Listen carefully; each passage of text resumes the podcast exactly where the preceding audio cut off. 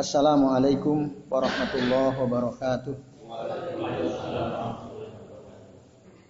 Alhamdulillah Alhamdulillahilladzi hadana li hadza wa ma kunna linahtadiya laula an hadana.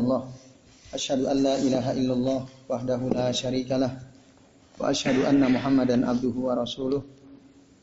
Allahumma salli wa sallim wa barik ala Muhammad wa ala ali Muhammad kama sallaita wa barakta ala Ibrahim wa ala ali Ibrahim fil alamin innaka Hamidum Majid. Rabbi shrah li sadri wa yassir li amri wahlul 'uqdatam min lisani yafqahu qawli amma ba'du. Bapak-bapak dan ikhwas sekalian rahimani wa rahimakumullah. Puji dan syukur marilah senantiasa kita haturkan kehadirat Allah Subhanahu wa taala yang ya, masih mengizinkan kita semua untuk bisa hadir ke majelis kajian kitab Nawakidul Islam ini dalam keadaan sehat walafiat. Alhamdulillahirabbil alamin. Insya Allah pada malam ini kita akan melanjutkan pembahasan ya, yang ke-8 ya. Pembatal Islam yang ke-8 betul ya? ya An-Naqidu As-Samin ya. Pembatal Islam yang ke-8 ya. Ini insya Allah dua kali pertemuan selesai insya Allah. Nah, nanti ke depan setelah ini selesai, insya Allah kita akan ngaji kitab Usulul Iman ya insya Allah. Udah pernah belum? Belum ya. Tapi nggak tahu ini udah terjemahkan apa belum itu ya. Nah ini yang uh, banyak sekali kita bagus sebenarnya. Cuman apakah sudah ada terjemahannya apa belum? Nah itu yang nah, nanti coba coba dicek aja us usulul iman judulnya karya saya Muhammad bin Abdul Wahab rahimahullah. Nah, itu ya. Coba nanti dicari ada. Kalau ada, alhamdulillah kalau ada terjemahan yang positif kita bahas itu. Oh, iya. Ya nanti. Nanti silakan dicari nanti ya. Nah, baik. Ya. Dan salian.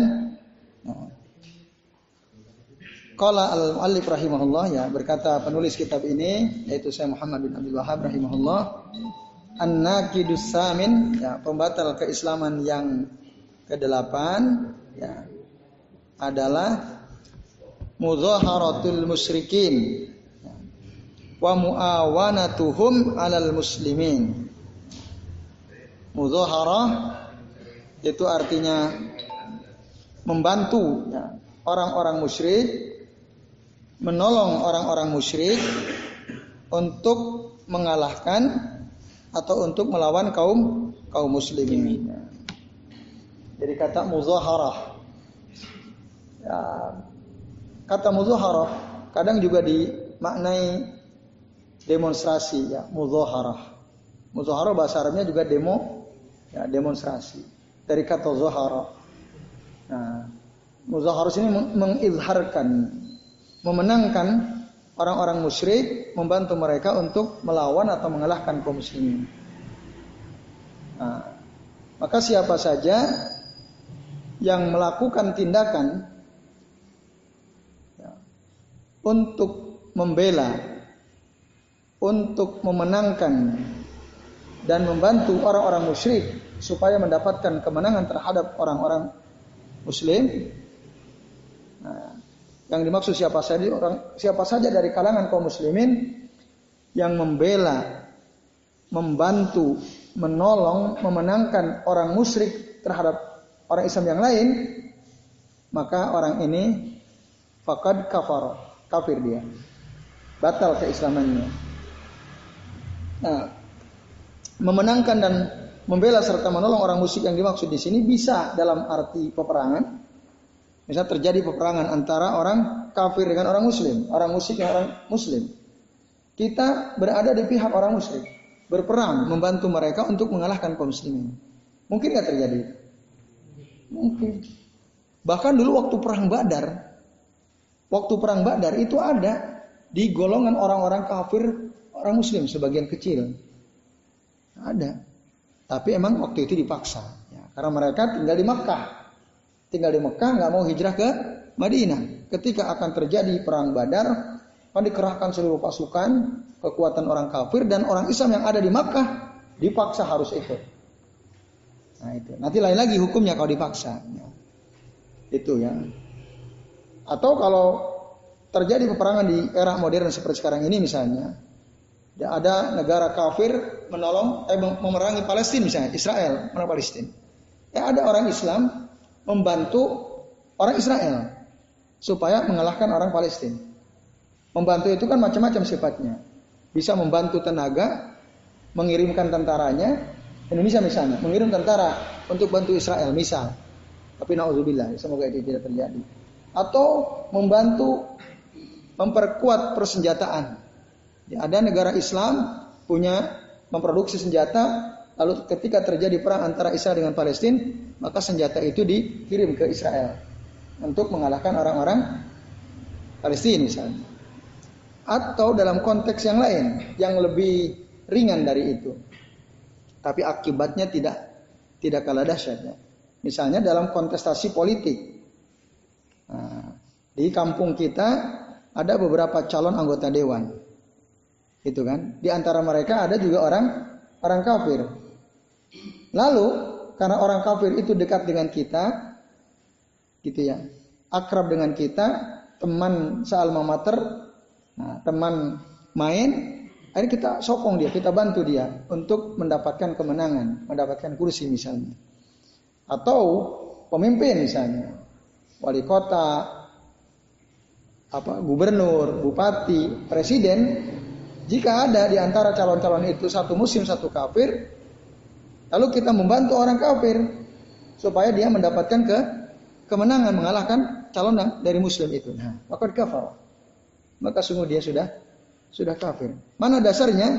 Nah, di dalam bab ini di disebutkan langsung oleh penulis kitab ini dalil yang menegaskan bahwa ya, membantu orang musyrik, orang kafir nah, untuk mendapatkan kemenangan di atas kaum muslimin, maka dia sudah kafir ya. Dasarnya adalah surah Al-Maidah ayat 51, surah yang rame dibahas ya beberapa tahun lalu itu kan. Nah, sehingga melahirkan gerakan yang sangat besar waktu itu ya. Yaitu surah Al-Maidah ayat 51. Ya, kalau Allah taala nah, ini lengkapnya ya, lengkapnya begini. Ini kan sebagian saja. Lengkapnya disebutkan ya dalam ayat ini, ya ayyuhalladzina amanu, hai orang-orang yang beriman. La tattakhidul yahuda wan nasara. Janganlah kalian menjadikan orang Yahudi dan Nasrani ya, auliya'a itu ya sebagai pemimpin walaupun kalau kita buka Al-Qur'an ya bukan lagi pemimpin artinya ya. Terutama Quran yang diterbitkan setelah era itu era ya udahlah kita udah maupun semua kan? Nah itu secara politik menang juga dia secara politik ya. Secara politik menang. Sampai akhirnya tentu atas instruksi dari kementerian ya menteri agama yang agak cenderung ya uh, kepada apa ya bersikap liberal gitu ya. Nah akhirnya hampir setahu saya lah, setahu saya hampir seluruh Al-Quran yang terbit setelah masa itu ayat ini kata aulia ahum, nah, aulia ini diterjemahkan menjadi teman setia, ya, tidak lagi pemimpin. Kalau dulu banyak Quran yang menerjemahkan kata aulia ini adalah pe pemimpin. Walaupun sebenarnya kita udah paham ilmu usul fikih ada masalah. Mereka mau ganti teman setia, silahkan aja gak ada masalah. Karena orang yang ngerti ilmu usul fikih, ya, jadi teman setia aja nggak boleh. Apalagi pak pemimpin. Itu namanya mafhum muafakahnya. Itu kan ada mantuk, ada mafhum. Gak ada masalah. Cuman orang awam yang nggak ngerti ilmu usul fikih tentu bingung ketika ditanya. Ketika dia misalnya ngomong ke teman-teman, eh jangan milih si Fulan. Kenapa? Si Fulan itu orang kafir, bukan orang Muslim. Kemudian ada orang melaporkan, oh si ini provokator. Kenapa? Karena dia mengatakan katanya nggak boleh memimpin, memilih pemimpin si Fulan bin Fulan. yang dia ada orang kafir. Lalu ditangkap oleh polisi misalnya. Kamu provokator? Enggak. Nah katanya kamu melarang orang lain untuk memilih salah satu calon yang kabut orang kafir. Iya. Nah kok kenapa? Karena dalam Quran ada. Mana buktikan misalnya. Kata polisi itu mana buktikan. Kalau memang ada dalam Al-Quran bahwa memilih orang kafir jadi pemimpin itu nggak boleh. Misal dia ingat, oh surah Al-Ma'idah 51 buka. Pas dibuka ternyata teman setia bukan pemimpin. Ah, coba kamu Mana buktinya? Kamu bilang surah Al-Maidah ayat 51. Coba buka. Baca. Pas dibaca, hai orang-orang yang beriman, janganlah engkau jadikan orang Yahudi dan orang Nasrani ya, sebagai teman setia. Ini kamu provokator, bohong kamu ini. Ya, kamu berbohong atas nama Al-Quran. Kalau orang awam, gimana digituin? Bingung nggak? Bingung. Ya udah kamu penjara lima tahun misalnya. Ya. Kira-kira kamu mau memprovokasi. Tapi kita udah paham enggak, tinggal kita balikin. Maaf Pak Polisi. Kalau panjenengan bisa mikir, ya. Kalau panjenengan bisa mikir, kita menjadikan orang kafir sebagai teman setia saja sudah tidak boleh apalagi menjadikan dia sebagai pemimpin. Harusnya panjenengan mikir. Nah, dia bisa ngomong kalau dia ngerti. Ini ya. Jadi dalilnya sangat jelas. Lalu wa may yatawallahum minkum fa innahu minhum. Nah, ini poinnya di sini. Barang siapa yang menjadikan orang kafir sebagai pemimpin, maka ya, fa innahu minhum. Maka dia yang menjadikan orang kafir sebagai pemimpin itu adalah bagian dari mereka. Minhum, bagian dari orang kafir, berarti dia kafir. Itu dasarnya. Nah, Bapak-bapak dan ikhwas sekalian, azan ya Allah wa iyyakum ajmain. Jadi jelas sekali kata fa innahu minhum itu artinya huwa misluhum fil kufri. Dia sama seperti mereka dalam kekufuran. Nah, ini dia wajhul istidlal minasy al-muallif. Nah, sisi argumentatif dari syekh penulis kitab ini bahwa memilih memenangkan orang kafir sehingga dia menjadi pemimpin bagi kalangan kaum muslimin itu adalah tindakan yang bisa menyebabkan dia menjadi kafir. Nah. Lalu saya Al Fauzan mengatakan, ya, saya Saleh bin Fauzan mengatakan apa yang disebutkan oleh penulis kitab ini, ya, yaitu menjadikan orang kafir sebagai pemimpin, ini hanya salah satu contoh saja. Salah satu contoh saja. Nah, mualat mualatul kufar itu artinya tidak hanya menjadikan pemimpin ya termasuk menjadikan teman setia itu termasuk dalam cakupan mualat mualatul kufar. Termasuk mencintai mereka hati kita cinta kepada mereka ya, memenangkan orang kafir atas kaum muslimin lalu memuji-muji mereka kita ada pernah bahas ini ya memuji-muji orang kafir. Nah, itu juga termasuk bagian daripada tindakan yang bisa menyebabkan kita menjadi kafir karenanya, batal keislaman kita. Nah, inilah yang oleh para ulama disebut ya, dalam dalam Islam ini disebut dengan al-wala wal wal barra. Al-wala wal barra.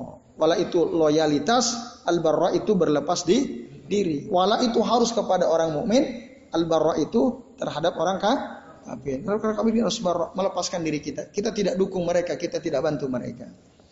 Nah, ini Bapak-bapak dan ikhwas sekalian, azan ya Allah wa Nah. Jadi kata saya Soleh bin Fauzan ya, bahwasanya annal mualat aksamun minha al mahabbatu fil qulub. Mualat itu macam-macam, banyak bagiannya. Di antaranya mencintai dalam hati walau lam yudhahirhum meskipun kita tidak membantu mereka memenangkan ya, atas kaum muslimin. Tapi kita cinta pada mereka. Kita nggak bantu mereka, kita nggak bela mereka, tapi kita cinta sama mereka dalam hati kita. Maka ini pun termasuk al-mualat. Termasuk al-mualat. Nah ini. Dan wa minha di antara mualat adalah madhuhum ya, wa madhu dinihim wassanau alaihim. Memuji-muji mereka, memuji agama mereka, ya, memberikan pujian terhadap mereka, ini termasuk juga al mualat, mualatul kufar. Kita puji, kita puji-puji, wah sih, Ulan ini bagus sekali, orangnya bagus banget. Ya, dia sangat profesional misalnya. Kalau ingin belajar tentang ini, udah ke dia, dia ini mantap deh pokoknya jagoan gitu ya. Misal, ya. kita puji-puji mereka. Walaupun itu fakta gitu ya, itu fakta. Kita nggak boleh puji.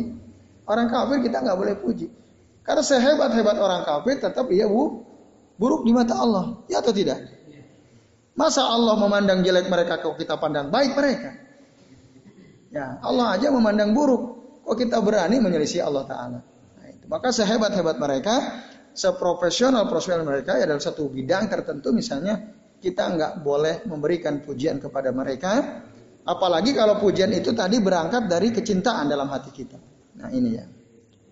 Nah ini ya, maka mualat itu termasuk tadi bil mahabbati au bil munasarah bil muawana alal muslimin wa bimadhihim ya, ma hum alai dan memuji mereka dengan apa-apa yang mereka miliki, apa yang mereka punya. Ini ikhwas sekalian azan ya Allah wa iyyakum Nah, maka dengan demikian Ya. Muzaharatul kufar alal muslimin itu ada macam-macam. Muzaharah, membela uh, terus apa tadi? Menolong orang kafir itu harus ditafsir ya. Tafsir itu dirinci. Supaya kita tidak terjebak pada satu sikap ekstrim. Karena dalam Islam itu tatarruf, tatarruf, tatarruf itu ekstrim, itu haram. Ya, ekstrim berlebihan, gulu atau ekstrim meremehkan. Itu nggak boleh. Pokoknya tindakan ekstremitas dalam Islam itu nggak boleh. Terlalu benci, terlalu senang itu nggak boleh.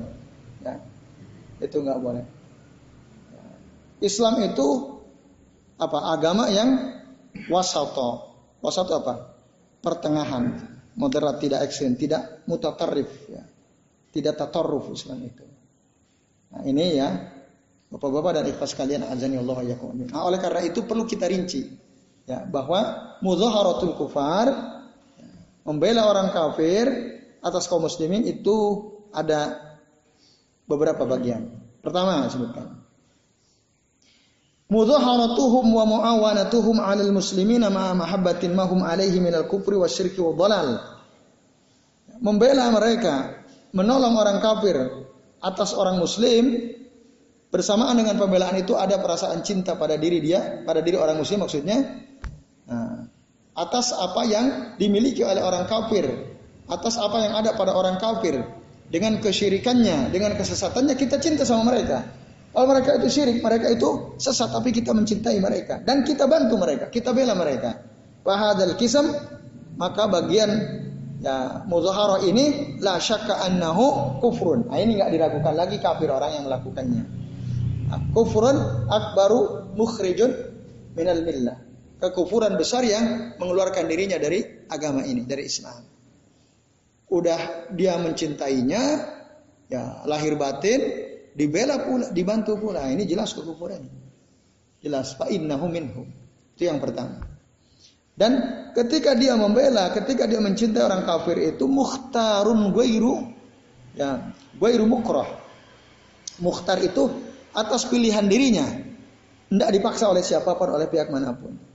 Maka yang seperti ini lagi-lagi fa innahu yakunu kufran ya, akbar. Maka dia menjadi kafir, kafir besar, mengeluarkan dia dari agama Allah Taala, dari Islam. Itu yang pertama. Yang kedua, ayu aminahum alal muslimina la mukhtaran wa huwa la yuhibbuhum bal yukrahuna ala dzalika bisababi iqamatihi bainahum fa hadza alaihi wa'idun syadid wa yasa alaihi minal kufri al mukhridu minal millah. Nah. Yang kedua ada orang Islam membantu, membela, menolong orang kafir untuk memenangkan atas kaum muslimin, tapi bukan atas kerelaan hati, melainkan karena dipaksa. Nah, aslinya orang Islam ini nggak senang sama orang kafir, tapi dia dipaksa karena dia tinggal di negeri orang kafir. Misalnya, ada di antara kita tinggal di Amerika, negeri orang kafir atau orang muslim itu Amerika? Orang kafir. Satu kali Amerika mau menyerang negara Islam. Ya, misal, ya, mau menyerang Turki misalnya, atau kita tinggal di Rusia, Rusia mau menyerang Turki. Lalu pemerintah Rusia mewajibkan wajib militer kepada siapa saja yang tinggal di Rusia misalnya atau di Amerika. Katakanlah kita sudah menjadi penduduk sana. Lama kuliah kerja sana, akhirnya jadi penduduk sana. Eh, ada wajib militer. Terjadi konflik dengan negara Islam. Rusia dengan Turki misalnya. Lalu kita dipaksa. Kita dipaksa. Dan kita sebenarnya nggak cinta kepada orang kafir. Nggak ada rasa senang kepada mereka. Tapi kita dipaksa untuk ikut perang Nah, bagaimana hukumnya? Kalau tadi kan hukumnya kafir, yang pertama. Ya. Kalau yang kedua ini, dia mendapatkan ancaman keras dari Allah Ta'ala, dan bisa jadi dia pun menjadi kufur, bisa jadi, walaupun tidak tidak pasti. Tinggal lihat kondisinya. Ya. Lihat kita lihat kondisinya. Nah, kenapa? Karena mereka kenapa tinggal di negeri orang kafir. Orang Islam itu ya, sebaiknya tinggal di negeri kaum muslimin. Ngapain kita lebih memilih tinggal di negeri kaum kafir? Ngapain kita tinggal di ya, kampung yang di situ mayoritas orang kafir? Ngapain? Kecuali kalau kita punya power, kekuatan untuk mendakwahi mereka. Nah kalau kita orang biasa, ya, misalnya hanya karena pekerjaan kita di sana, kita tinggal di situ, Padahal itu negeri kaum kafir. Atau bahkan sekolah, kuliah. Kita kuliah di negeri orang kafir. Padahal ilmu yang kita pelajari itu banyak diajarkan di negeri-negeri kaum muslimin. Belajar tentang Islamic Studies misalnya. Ya, Islamic Studies. Belajar tentang hadis. Riset tentang hadis. Tentang Quran. Ya. Tapi belajarnya di Amerika, di Belanda, di Jerman. Ngapain kita belajar ilmu-ilmu Islam di negara orang kafir? Kecuali kalau kita belajar suatu ilmu yang di negeri-negeri kaum muslimin nggak ada ilmu itu. Gak ada yang nguasain, adanya hanya di negeri orang kafir baru bang. Nah, ini tentang wala dan barok. Tapi di Indonesia ini banyak orang yang bangga. Ya, banyak orang yang bangga belajar tentang ya, Islam tapi kepada orang kafir. Oh dia bilang ada juga kok pengajarnya orang Islam. Lah, banyakkan mana yang ngajar orang Islam atau orang kafir? Bahkan kadang-kadang dosen yang ngajar di negara kafir kadang-kadang ya, kebanyakan mereka liberal. Ya. Mereka liberal. Ada tokoh Khalid Abdul Fadl ya itu tinggal di Amerika, profesor Islamic Studies. Nah, coba lihat pemikiran-pemikirannya. Ya, sangat terkenal beberapa tahun lalu itu sangat terkenal buku-bukunya. Nah, saya sempat membaca sampai selesai dua buku beliau paling tidak ya. Nah, beliau dalam salah satu bukunya itu berani misalnya menghina sahabat Abu Bakar radhiyallahu anhu. Ya, mengorek-ngorek kesalahan-kesalahan Abu Bakar radhiyallahu anhu.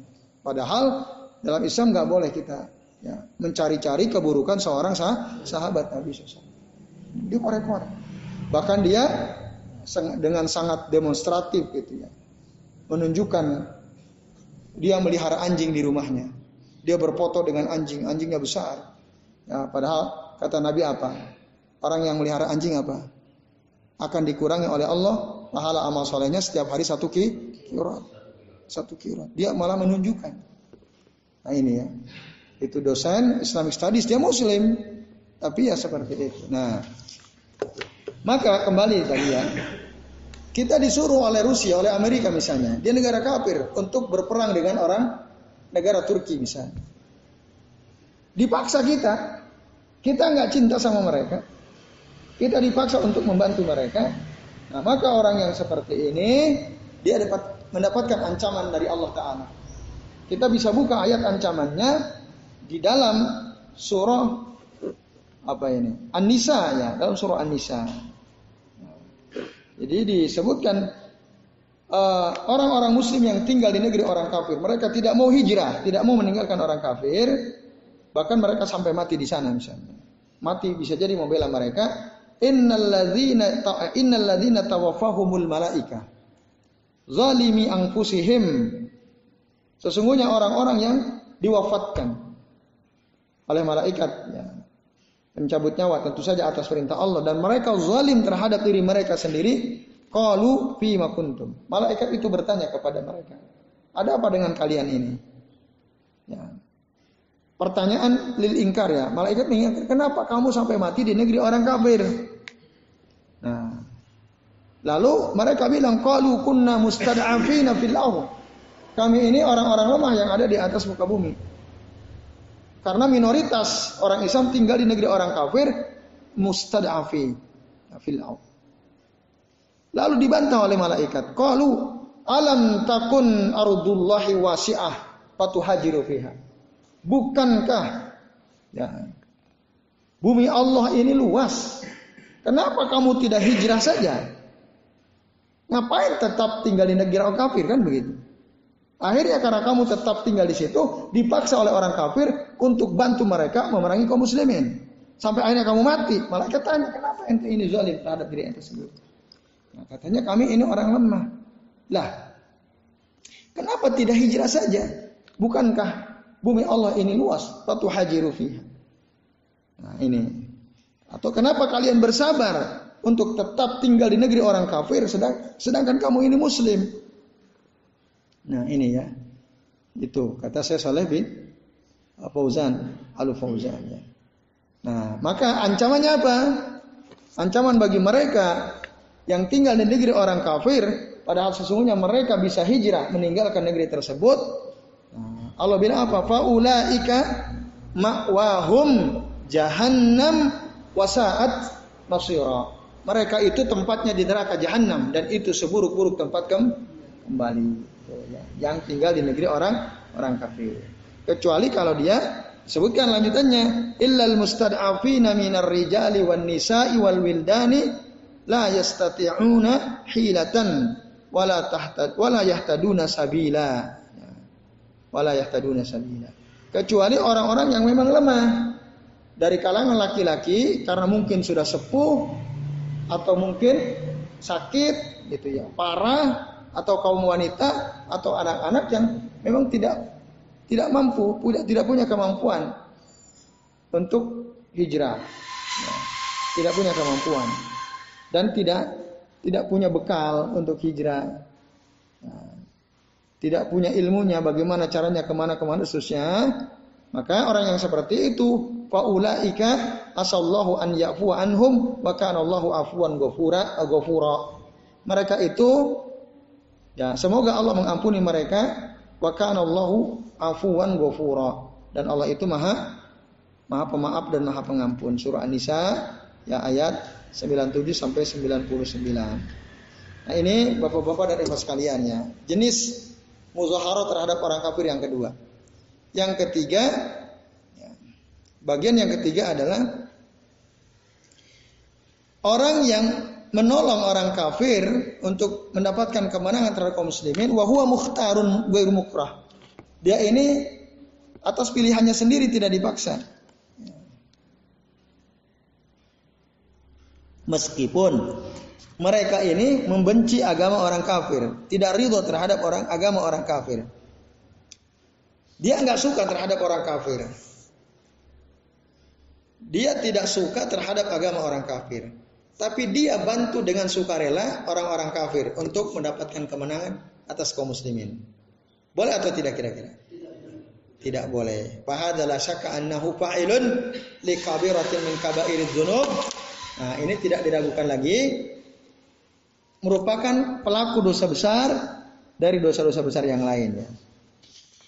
Nah, orang seperti ini juga dikhawatirkan menjadi kufur ya karenanya. Itu bagian yang ketiga.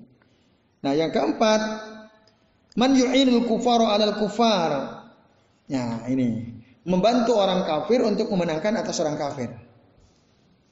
Misal, kita tinggal di Amerika, ada dua calon presiden, satu kafir, satu kafir. Satu kafir, misalnya Trump sama Joe Biden kan? Pilih mana? Nah, kita memilih satu orang kafir untuk memenangkan terhadap orang kafir yang lain. Nah, ini ya. Itu bagaimana? Nah, di sini disebutkan.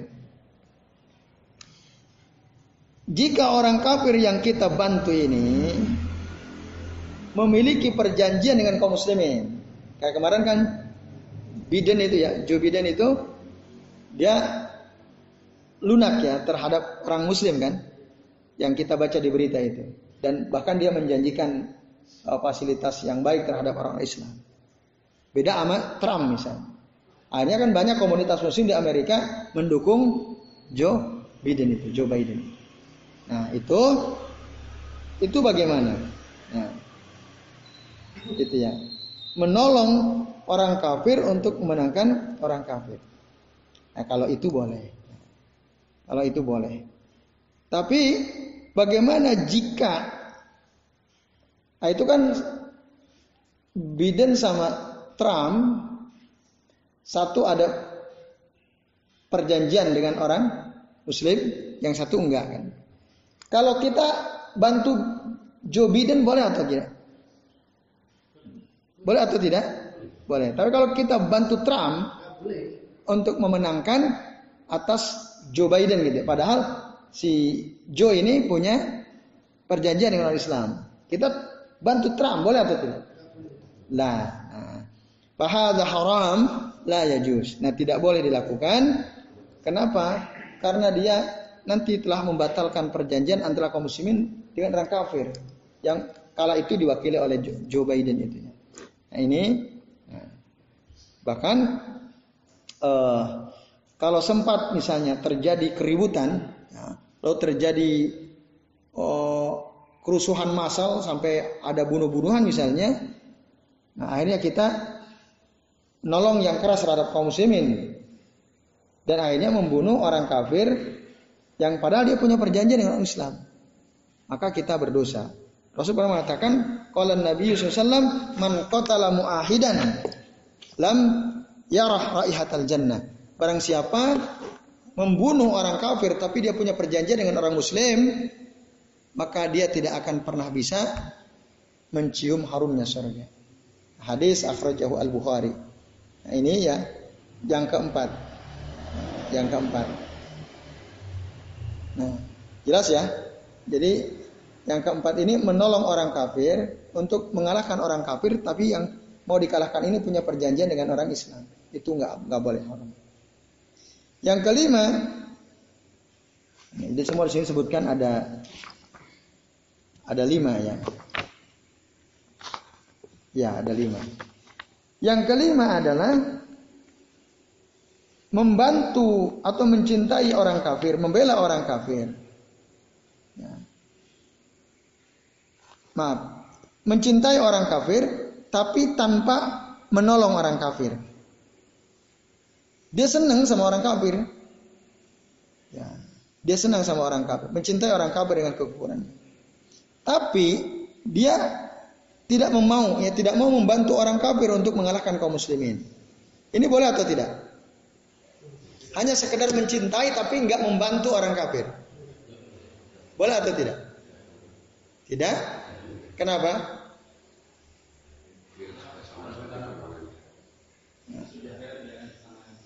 Ah, kata Nabi, seseorang itu di akhirat akan bersama dengan orang yang ma'aman ahabba, bersama orang yang dicintai. Nah, itu. Dalam Al-Qur'an juga jelas disebutkan surah Al-Mujadilah ayat 22 ya. La tajidu kauman yu'minuna billahi wal yaumil akhiri yuwadduna man hadallaha wa rasulah. Kamu Muhammad tidak akan mendapatkan ada suatu kaum yang beriman kepada Allah dan Rasulnya. Eh yang beriman kepada Allah dan hari akhir. Mereka, ya kamu sekali lagi, kamu Muhammad tidak akan mendapatkan suatu kaum yang beriman kepada Allah dan hari akhir. Kaum itu yuwaduna man wa rasulah. Kaum tersebut mencintai orang-orang yang menentang Allah dan Rasulnya. Ya, itu nggak nggak ada. Jadi kalau ada seseorang betul-betul beriman kepada Allah dan Rasulnya, maka dia tidak mungkin mencintai orang yang menentang Allah dan Rasulnya. Gak mungkin. Walau kanu aba'ahum au abna'ahum au ikhwanahum au asyiratahum ulaika kataba fi qulubihimul iman. Nah, itu. Meskipun orang yang dicintainya itu adalah bapak-bapak mereka, anak-anak mereka, saudara-saudara mereka, keluarga mereka. Nah, mereka itu ditulis oleh Allah di dalam hatinya ada keimanan. Jadi orang beriman tuh nggak mungkin mencintai orang kafir, nggak mungkin. Meskipun orang kafir itu adalah saudara dekat mereka, bapaknya, anaknya, istrinya, dan lain sebagainya. Nah, ini nggak boleh yang seperti ini. Nah, banyak sekali lah dalil disebutkan ya, yang uh, menunjukkan kita tidak bolehan. Nah, satu di antara misalnya Nabi Ibrahim ya. Allah Taala mengatakan, ya, A'udzubillahi minasyaitonirrajim. Qad kanat lakum uswatun hasanatun fi Ibrahim. Sungguh telah ada bagi kalian suri tauladan yang baik pada diri Ibrahim. Walladzina ma'ahu dan orang-orang yang bersama Ibrahim il qalu liqaumihim inna bura'u minkum ketika Ibrahim dan kaumnya berkata kepada kaumnya yang masih kafir itu inna bura'u minkum kami berlepas diri dari kalian jadi Nabi Ibrahim dan para pengikutnya ketika ketemu dengan orang kafir yang hidup di zamannya maka mereka mengatakan inna bura'u minkum wa mimma ta'buduna min dunillahi min dunillah. Kami berlepas diri dari kalian dan dari apa-apa yang kalian sembah selain Allah, kafar nabikum kami ingkari kalian wa bada bainana wa bainakumul adawatu wal bagdo. Maka nah jelaslah antara kami dan kalian itu ada permusuhan. Ya, al adawatu wal bagdo abadan. Dan Nah, selain permusuhan apa? Kebencian. Nah, jadi Nabi Ibrahim bilang beserta kaum yang mengikutinya karena kaumnya itu pada umumnya masih kafir, maka jelaslah antara kami dengan kalian itu ada permusuhan. Ya. Al adawah wal bagdo. Bagdo itu artinya apa? Kebencian ya. Abadan selama-lamanya hatta tu'minu billahi wahda sampai mereka hanya beriman kepada Allah saja. Nah, ini. Jadi ikhwas kalian azan ya Allah wa iyyakum. Ini surah Al-Mumtahanah ayat 1 sampai ayat 4. Ayat 1 sampai 4. Apa yang kita bisa simpulkan dari ayat ini? Mencintai orang kafir itu haram. Apalagi cinta karena agamanya. Itu hukumnya ha? haram. Itu. Karena apa? Nabi Ibrahim saja ya, bermusuhan. Membenci mereka. Sampai mereka beriman kepada Allah. Kaumnya musuh. Nah ini. Dalam surah Al-Mujadilah juga hampir sama ya.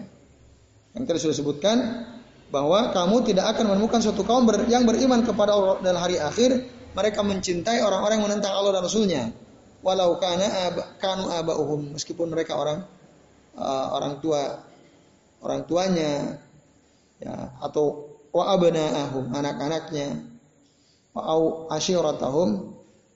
atau keluarga mereka itu ulaika kataba kataba fi qulubuhum fi qulubihim al iman mereka itu yang oleh Allah ditetapkan pada hati mereka ada keimanan siapa yaitu mereka yang tidak mencintai orang-orang yang menentang Allah dan dan Rasulnya. Nah, ini Bapak-bapak dan ibu sekalian, azan ya Allah. Ya.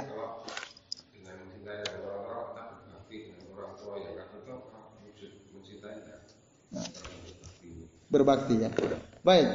Lalu bagaimana kalau kita berbakti? Apakah bakti itu menunjukkan cinta atau tidak?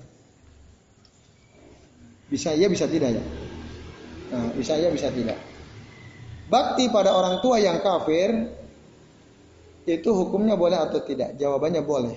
Ya, jawabannya bo boleh. Maka di sini sebutkan ya. Berkaitan pembahasan ini ada beberapa masalah penting. Ya. terkait dengan apa uh, hubungan kita, interaksi kita dengan orang kafir. Di antara masalah penting yang pertama adalah ya, birrul walidain, bakti pada orang tua yang kafir. Birrul walidil kafir misalnya atau birrul birrul walidati al kafir. Boleh atau tidak? Nah. Dulu istri dari Abu Bakar As-Siddiq radhiyallahu anhu itu tidak mau masuk Islam. Dia ibu dari Asma bintu Abi Bakrin. Punya ibu, ibunya itu nggak mau masuk Islam. Ibunya nggak mau masuk Islam. Tapi ibunya selalu datang ke rumah Asma. Entah kadang memberi oleh-oleh makanan susah. Karena anaknya sendiri. Intinya ibunya nggak mau putus hubungannya dengan anaknya. Nah lalu Asma bintu Abi Bakrin ragu-ragu ini boleh atau tidak. Lalu beliau minta fatwa kepada Nabi.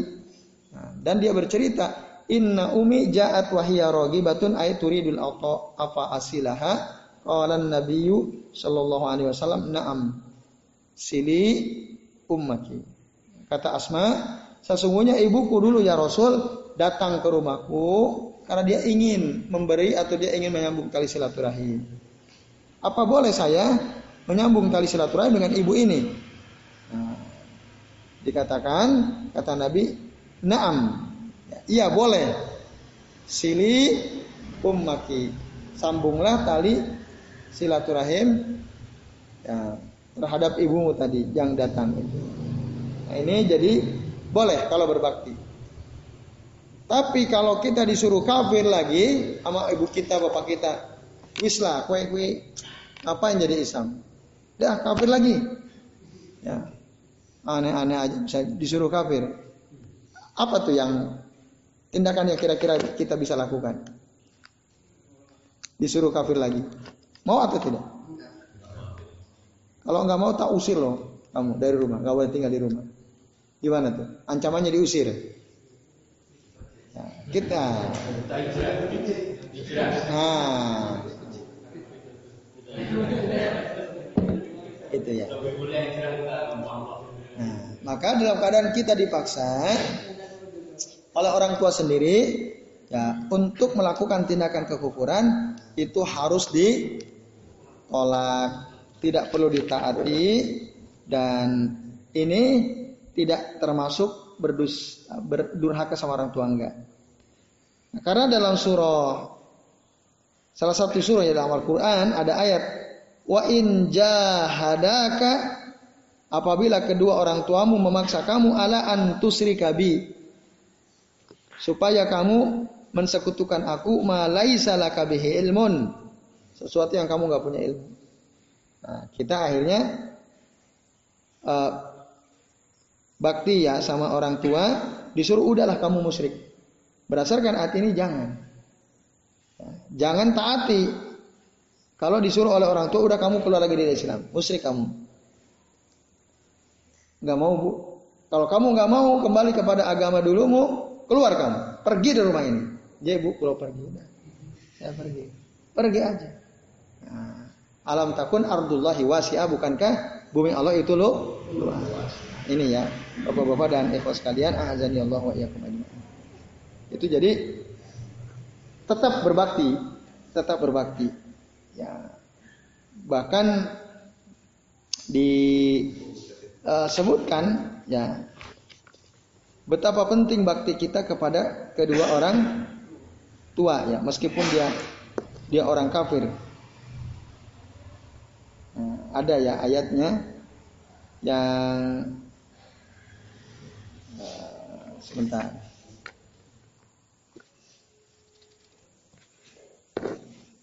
Jadi orang tua itu harus tetap ditaati ya.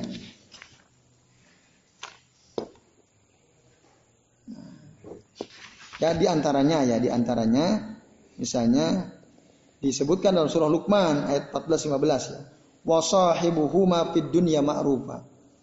Pergaulilah keduanya bapak ibumu di dunia ini dengan cara yang yang ma'ruf wattabi sabila man anaba ilayya summa ilayya marji'ukum fa unabbi'ukum bima kuntum ta'malun ikutilah jalan orang-orang yang kembali kepada Allah Kemudian hanya kepada Allah lah tempat kalian kembali dan aku kata Allah akan memberikan seluruh berita kepada kalian dengan apa yang kalian kerjakan. Nah, ini dasarnya ya bahwa birul walidain itu boh, boleh. Ya. Baik, sekalian. Kemudian masalah kedua, tadi masalah birul walidain. Masalah kedua, hukum menikah dengan orang kafir, boleh atau tidak? Tidak boleh. Nah, tidak boleh, tidak boleh. Jelas itu ayatnya nah, bahwa kita menikahi orang kafir itu nggak boleh dalam surah di antaranya dalam surah Al-Baqarah ayat 221, surah Al-Mumtahanah ayat 10. Dalam surah Al-Baqarah sebutkan wala tankihul musyrikina hatta yu'minu wala abdum mu'minatun khairun min musyrikin walau a'jabakum. Janganlah kalian menikahi orang-orang laki-laki musyrik. Nah, jangan. Sampai mereka beriman. Seorang hamba sahaya yang beriman itu khairun. Itu lebih baik min musyrikin daripada orang musyrik walau a'jabakum meskipun orang musyrik itu menarik hatimu. Begitu juga yang perempuan. Itu nggak boleh. La ah, la tunkihul musyrikati. Ya, jangan kalian menikahi wanita-wanita musyrik hatta yu'minna sampai mereka ber, beriman. Nah, itu. Wala amatum mu'minatun seorang hamba sahaya wanita yang beriman khairun min musyrikatin walau a'jabatkum meskipun wanita musyrik itu membuat menarik hatimu ya pada ya nah itu ya. Apa? Ah oh agak kurang sehat. Oh ya, di SMS tuh ya ya hati-hati. Semoga lekas sembuh. Nah. Ini ya terus jelas dalilnya. Al-Baqarah ayat 221 terus kalau ada orang, seorang wanita meninggalkan suaminya karena wanita itu sudah beriman. Nah, itu nggak boleh dibalikin kepada suaminya. Ya ayyuhalladzina amanu idza ja'akumul mu'minatun idza ja'akumul mu'minatu ya, muhajiratin famtahinuhunna Allahu a'lamu bi imanihinna. Hai orang-orang beriman, apabila datang kepada kalian orang-orang wanita yang beriman, hijrah ya uji mereka. Allah lebih tahu keimanan mereka. Tapi kalau kalian fa in alimtumuhunna mu'minatin. Kalau kalian betul-betul mengetahui bahwa si wanita itu orang beriman, fala tarji'uhunna ilal kufar. Jangan kalian kembalikan mereka wanita itu kepada orang kafir. Lahunna hillul lahum walahum yahillu lahu yahilluna lahunna. Wanita itu tidak halal bagi orang kafir juga orang kafir itu tidak halal bagi wanita yang sudah jadi mukmin. Yang saya pernah cerita itu ya. Yang tamu ada datang ke mualaf itu, itu udah jangan dibalikin harus. Nah, itu udah putus. Ya. Li'annahu qad infasala ma bainahum wan fasakha an-nikahu baina muslimatin wa kafirin. Ketika yang wanita udah beriman, putus hubungan pernikahan antara orang wanita mukminah dengan orang kafir ini.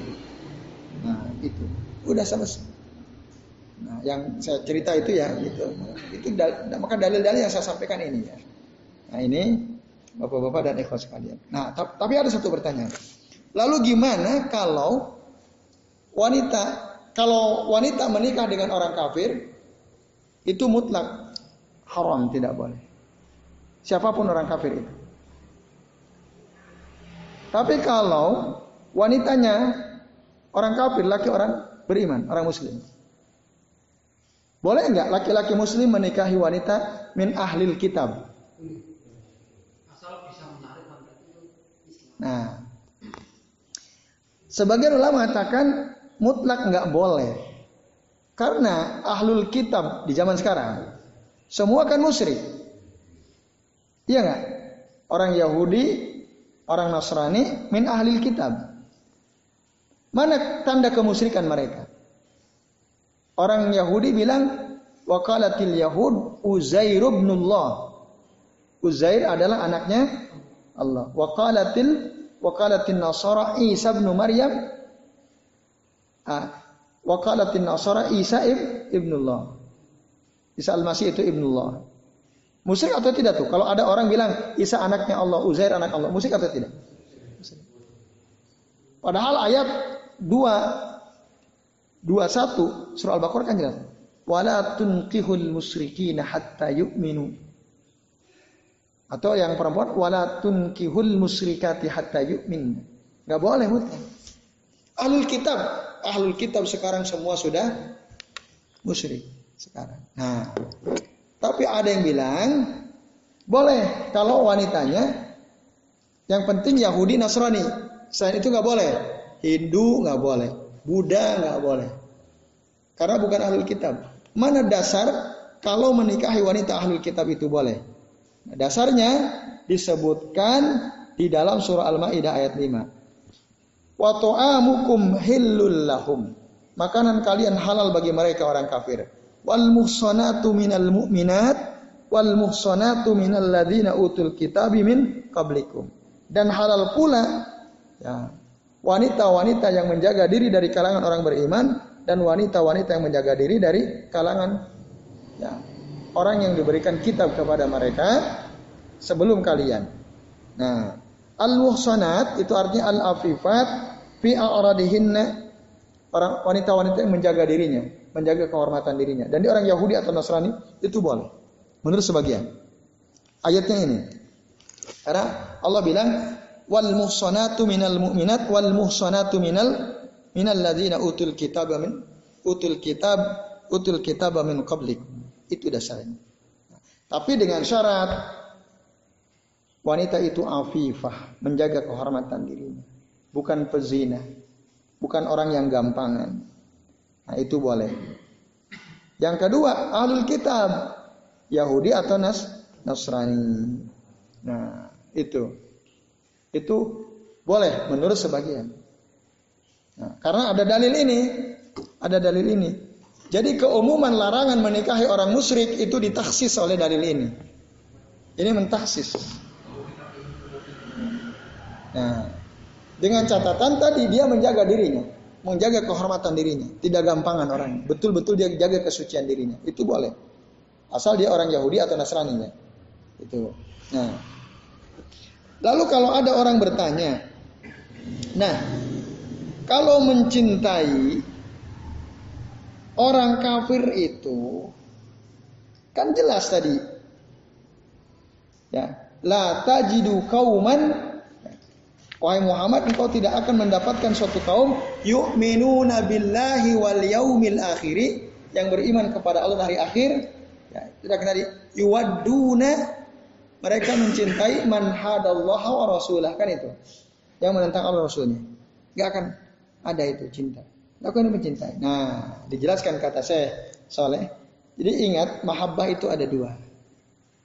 Ada al-mahabbah at-tabi'iyah, ada al-mahabbah al-imaniyah. Ad-diniyah, al-mahabbah ad-diniyah.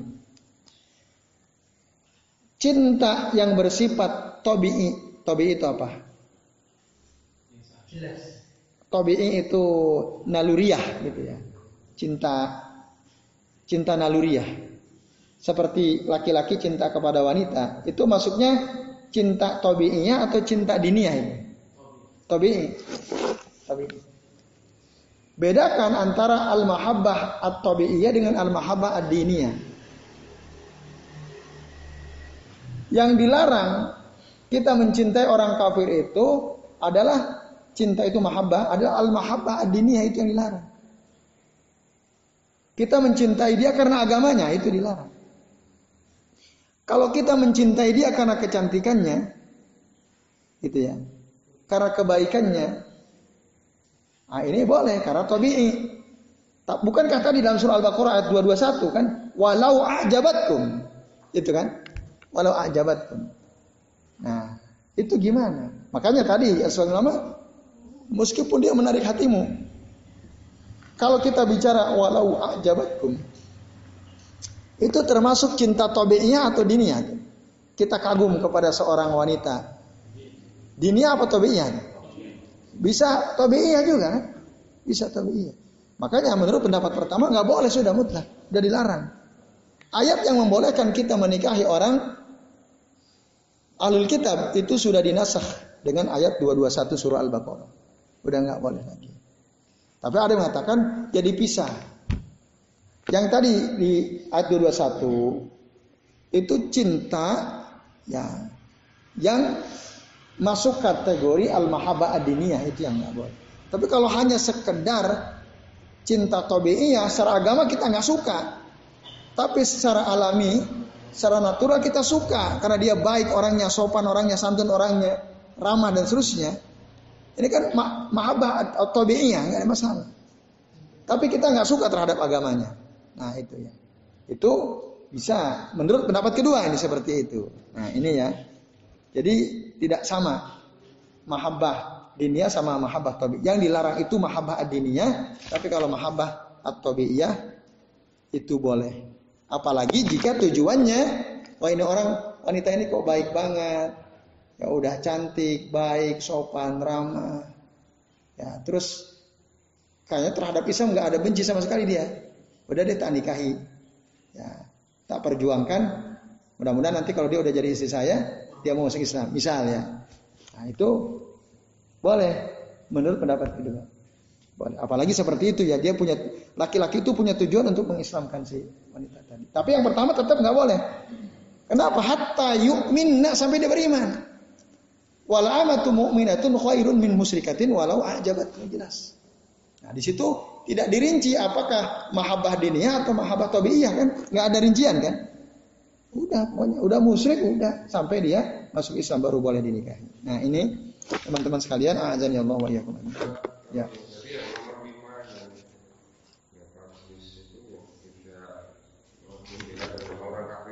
Hmm.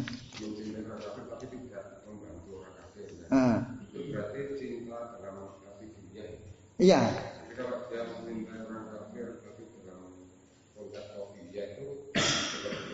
Boleh. Menurut pendapat kedua boleh. Menurut pendapat kedua boleh. Nah, itu. Tapi menurut pendapat pertama tetap tidak boleh karena ada kata-kata walau ajabatkum. Meskipun kita dia menarik hati kita. Menarik hati itu kan karena kita cinta kan, senang kan. Nah, bisa bisa tobiyah, bisa diniyah juga. Jadi itu umum ayatnya. Nah, ini ya teman-teman sekalian, azan ya Allah Ya, itu ya. Nah, terus secara ringkas tadi masalah pertama tadi soal pernikahan ya. Masalah kedua soal birul walidain tadi ya. Iya kan? Nah, masalah ketiga soal membalas kebaikan orang kafir. Boleh atau tidak? Boleh, asal kita tidak cinta sama dia. Nah, itu mukafaatul kufar ida asanu ilaina. Itu boleh. Ayatnya jelas dalam surah Al-Mumtahanah ayat 8. Wala yanhakumullahu 'anil ladina lam yuqatilukum fid din wa lam yukhrijukum min diyarikum an tabarruhum wa tuksitu ilaihim innallaha yuhibbul muksitin. Itu ayatnya. Allah tidak melarang kalian dari orang-orang yang tidak memerangi kalian dalam agama, tidak mengusir kalian dari negeri-negeri kalian untuk berbuat baik kepada mereka, berbuat adil kepada mereka. Sesungguhnya Allah mencintai orang-orang yang berbuat adil. Boleh. Dia baik kita baik, dia hormat kita hormati itu boleh. Yang penting jangan ada cinta. Kita tidak cinta sama mereka. Kita tidak cinta terhadap agama. Kita harus uh, tadi wabada bainana wa bainakumul adawatul wal bagdha. Kata Nabi Ibrahim kan begitu. Udah jelas. Nampak dari kami ya permusuhan dan kebencian kepada kalian sampai kalian beriman kan itu. Nah, kita harus benci tidak harus diekspresikan dengan tindakan kekerasan. Ingat ya.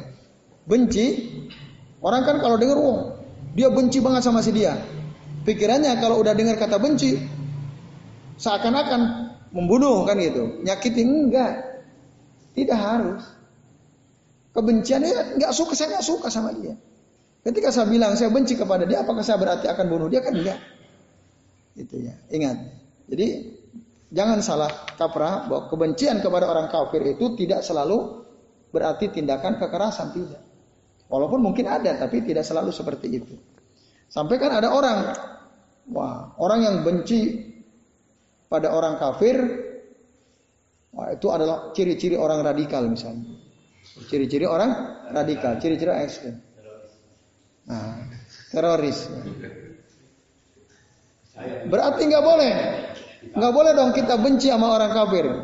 Nggak boleh dong kita memusuhi orang kafir. Nggak boleh kata mereka.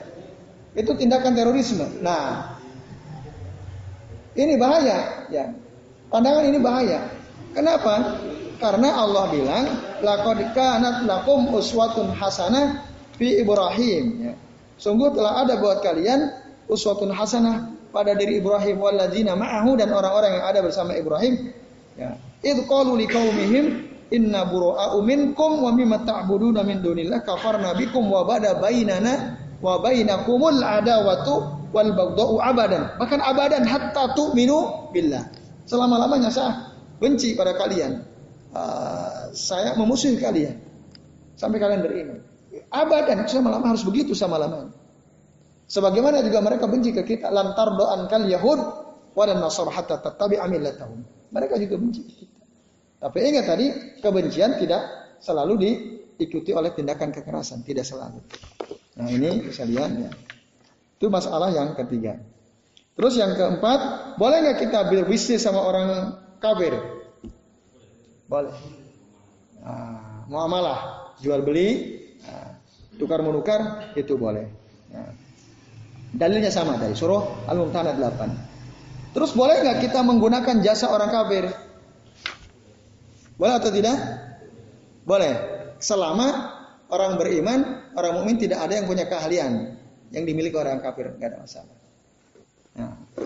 Terus boleh nggak kita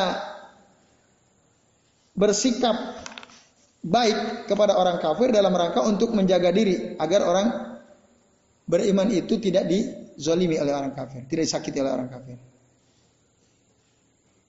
Ya. Kita boleh enggak kita sekali lagi ya saya ulangi menjaga diri dari nah ini sebut mudaroh ya mudaroh itu menjaga diri dan kaum muslimin dari kejahatan orang kafir.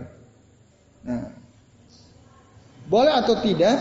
Ya, lalu kita berbaik-baik kepada mereka berbaik-baik kepada orang kafir dalam rangka untuk mencegah jangan sampai ada kita atau kaum muslimin yang mendapatkan keburukan orang kafir. Boleh atau tidak?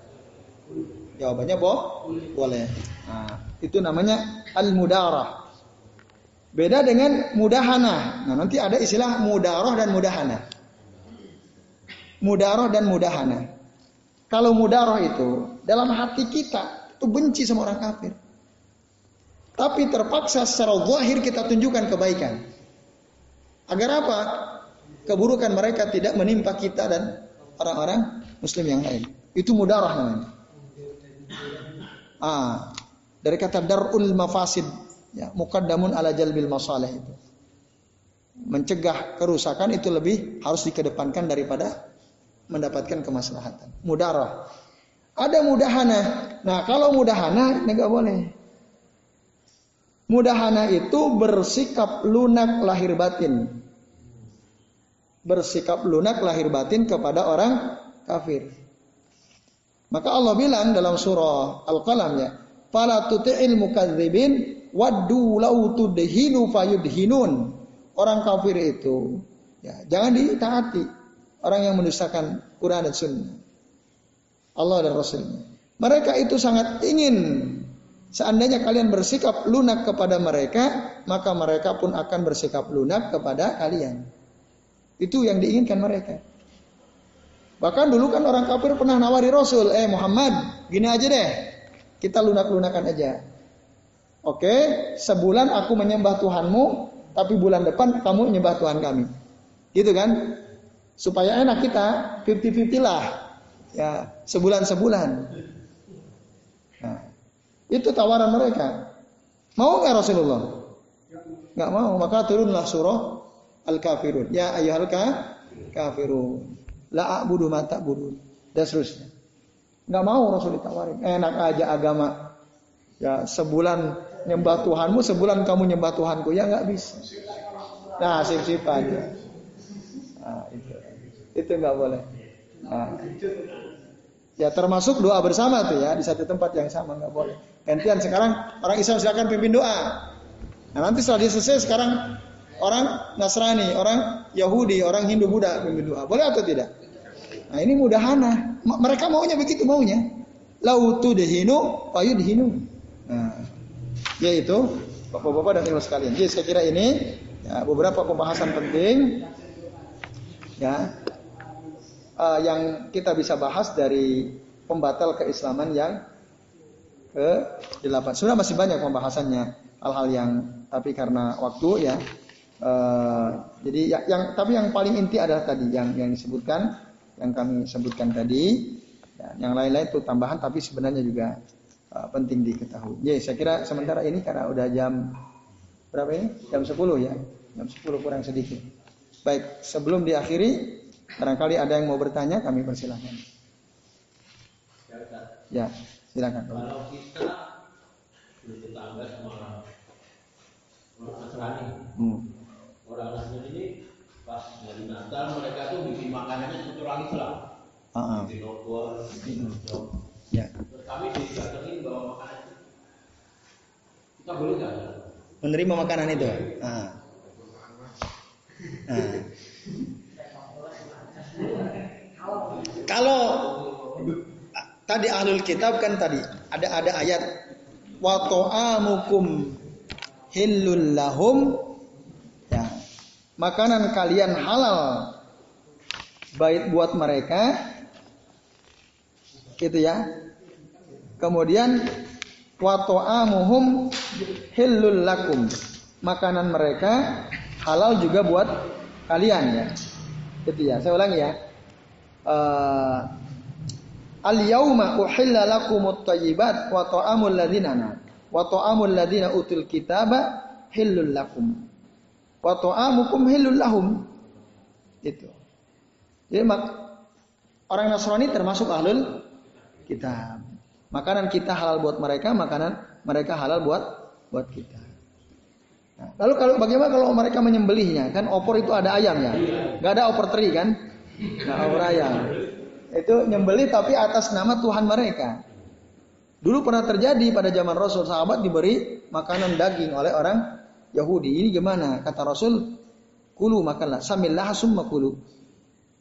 Kamu bacakan Bismillah sebelum makan silakan habis itu makan. Nah itu. Jadi boleh Pak Pak Widodo ya. Nah, cuma nah ini kan ini kan sikap sikap lunak mereka. Waktu Natal mereka ngasih-ngasih waktu Idul Fitri mereka bantu kita. Iya enggak? Iya. Untuk ngadain halal bihalal, mau mereka semangat bantu kita. Mereka maunya mereka kami aja lunak kepada kalian. Masa kalian tidak lunak sama kami? Gantian dong. Waktu Natal kalian juga ikut bantu kami. Itu kan? Maunya kan gitu. Akhirnya banyak ustad-ustad ngaco itu ya. Orang-orang ngaco ya, penampilannya seperti ustad ikut merangkai pohon Natal. Ya ngajak masyarakat, solawatan di gereja. Itu namanya ya lautu dehinu payu dehinun. Jadi mereka ya wadu, ya mereka ingin lautu dehinu payu dehinun. Kalian ya wadu maaf, wadu lautu dehinu payu dehinun dalam surah al al ya. Mereka mau ya, kalian bersikap lunak kepada mereka dan mereka pun akan bersikap lunak kepada kalian. Itu hati-hati tuh. Itu tipu daya yang bisa menjerat tuh. Nah, akhirnya kan banyak orang Islam. Waduh, nggak enak ya. Masa mereka bantu kita, kita nggak bantu mereka pas hari raya mereka. Ya bantu dong, kan gitu ya. Nah itu udah mulai lunak. Masalah akidah tuh udah kena. Nah itu itu bahaya ya. Tapi kalau hanya sekedar jenengan dikasih makanan waktu Natal, ya udah terima saja. Baca Bismillah dulu.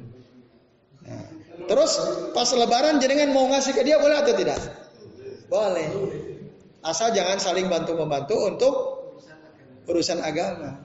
Kalau soal beri memberi silakan. Nah itu namanya mukafaah, boleh. Ya. Allah taala ala. Ada lagi? Ya, silakan.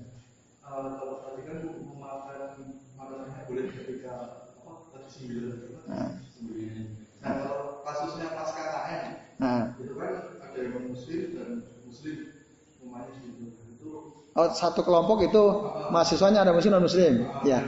Yang muslim itu berani dibeli Ah. Ah. Ya. Yang muslim kasih tahu, eh, ente nanti pas sembeli tolong ya, Bismillah, Allahu Akbar.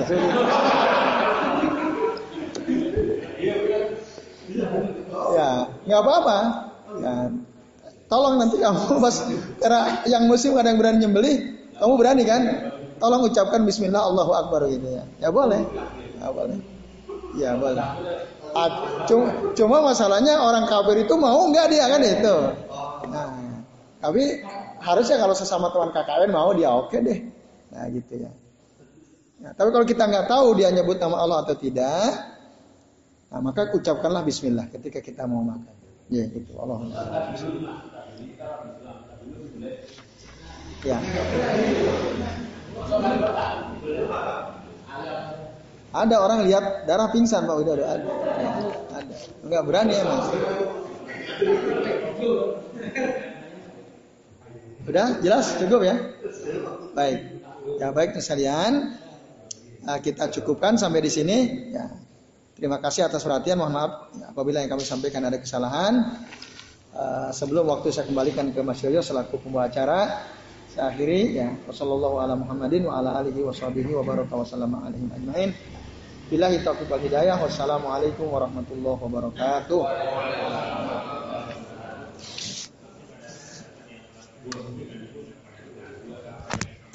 kita dan bisa kita amalkan